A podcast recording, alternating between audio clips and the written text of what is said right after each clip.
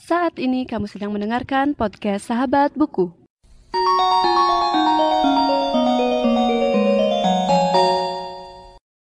Halo semuanya dan selamat datang kembali di podcast Sahabat Buku.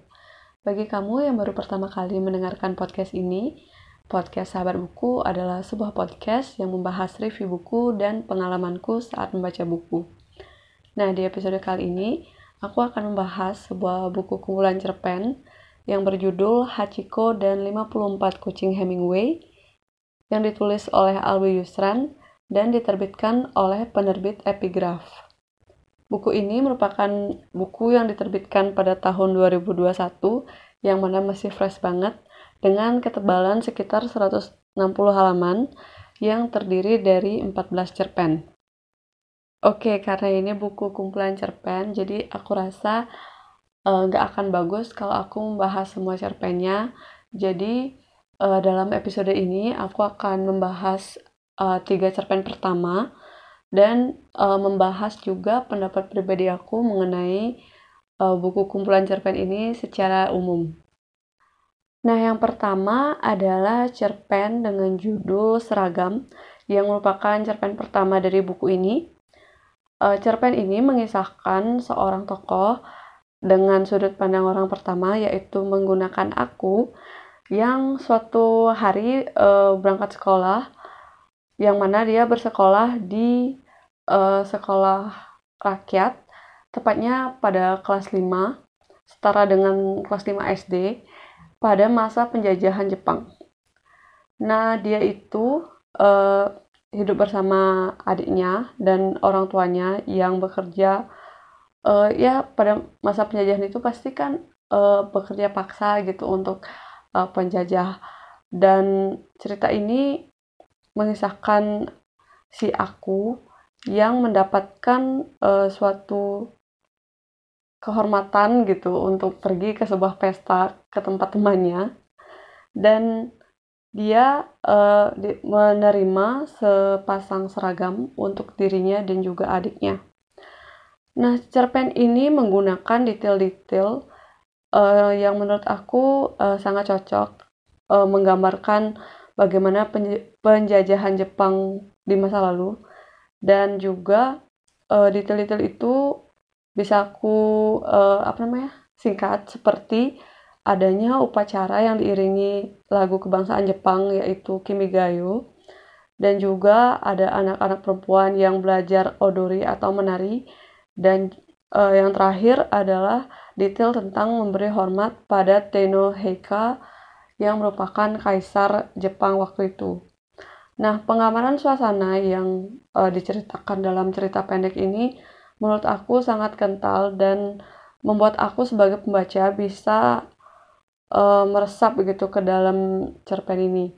Dan untuk sebuah cerpen pembuka, cerpen ini menurut aku sangat cocok ditempatkan di uh, posisi paling depan atau menjadi cerpen pertama dalam uh, buku kumpulan cerpen ini.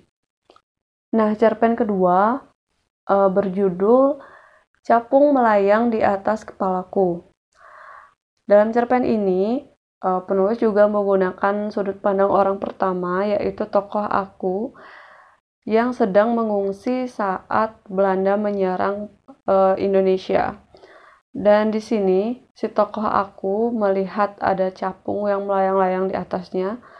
Dan cerita pendek ini juga menggunakan detail-detail yang menurut aku sangat mendukung alur cerita sehingga membuat aku sebagai pembaca bisa merasuk ke dalam ceritanya. Apalagi e, bisa dibilang dua cerpen pertama menggunakan e, latar sejarah gitu, yang satunya penjajahan Jepang yang kedua menggunakan uh, penyerangan uh, Belanda gitu. Jadi uh, dua cerpen ini sebenarnya membuat aku merasa mungkin kumpulan cerpen ini akan membahas cerita-cerita berlatar sejarah gitu. Tapi setelah aku baca cerpen-cerpen selanjutnya ternyata nggak semuanya gitu yang membahas tentang sejarah. Dan untuk cerpen ketiga berjudul Pemuda yang tertidur di atas sofa.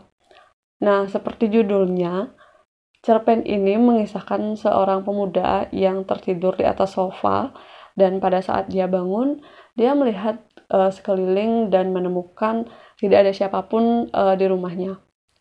Dan cerita ini membuatku sedikit gimana ya bertanya-tanya apakah si pemuda ini uh, semacam halu atau gimana dan uh, kesannya juga agak mistis gitu karena uh, dia itu kan sendirian gitu nggak ada orang-orang yang dia temui. Jadi mungkin dia berada di alam lain atau bagaimana gitu.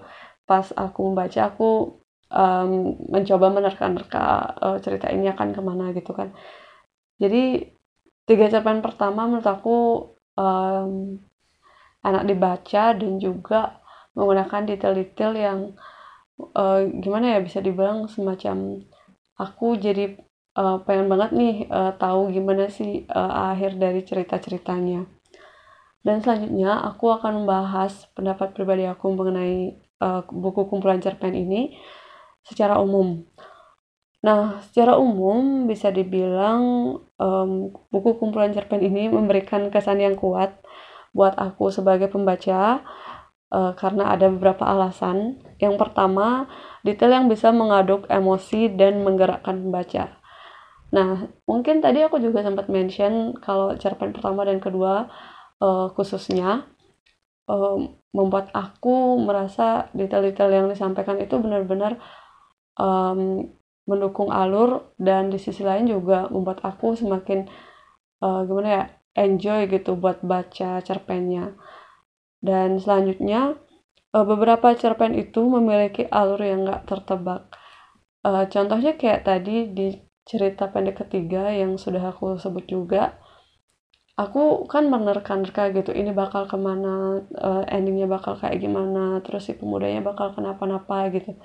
Dan Eh, nggak uh, cuma cerita pendek ketiga ada beberapa cerpen juga yang ternyata nggak sesuai ekspektasiku kan nggak sesuai dengan uh, apa namanya kayak detailnya tuh misalnya A gitu. Aku mikir dia bakal nyambung ke B eh ternyata ke C gitu. Jadi ada beberapa cerpen yang eh ternyata kayak gini eh kok bisa gini sih? Gitu. Jadi uh, itu membuat gimana ya membuat aku sebagai pembaca tuh bingung gitu kan. Eh ini kok bisa gini? Baru aku baca lagi. Oh iya tadi kan dia sempat mention semacam itulah. Dan selanjutnya isinya beragam dan masing-masing memiliki kesan yang bisa dibilang bagus buat aku nah tadi kan aku juga sempat mention nih kalau dua cerpen pertama itu berlatar sejarah. Jadi kan aku punya ekspektasi mungkin uh, cerita pendek selanjutnya uh, bakal ada sejarahnya gitu. Tapi ternyata nggak semua. Dan uh, bisa dibilang isi cerpennya tuh beragam banget. Dan masing-masing punya keunikan tersendiri dengan uh, permainan sudut pandang yang juga bisa dibilang uh, beragam. Ada yang pakai sudut pandang orang pertama, ada yang pakai sudut pandang orang ketiga. Dan kalau buat aku sih buku ini benar-benar nggak ngebosenin karena di sisi lain panjang ceritanya juga beragam. Ada yang pendek, ada yang panjang dan karena cerpen kan bisa dipilih-pilih yang mau baca yang mana kalau mungkin teman-teman mau baca yang pendek dulu baru yang kepanjang kan bisa aja gitu dan yang terakhir uh, porsi detail yang tidak terlalu pendek dan terlalu panjang. Nah walaupun panjang uh, semua cerpennya itu beragam bisa dibilang dari pendek uh, dari yang paling pendek ke yang paling panjang itu ada tapi uh, secara isi aku lihat detail-detail yang disampaikan itu nggak gimana ya nggak berlebihan tapi nggak juga uh, dikit banget gitu. Jadi masih di tahap yang menurut aku buat aku sebagai pembaca tuh enak banget dibaca. Jadi mungkin aku bisa bilang aku suka banget sama uh, buku ini. Dan aku bakal merekomendasikan ke teman-teman yang suka baca kumpulan cerpen kamu wajib baca sih. Dan mungkin itu aja untuk episode kali ini. Jika kamu uh, udah baca cerpennya atau mungkin uh, pengen tahu lebih lanjut tentang cerpen ini, kamu bisa kasih komentar di Instagram podcast sahabat buku atau di YouTube atau di sosmed apa pun. Dan sampai jumpa di episode selanjutnya.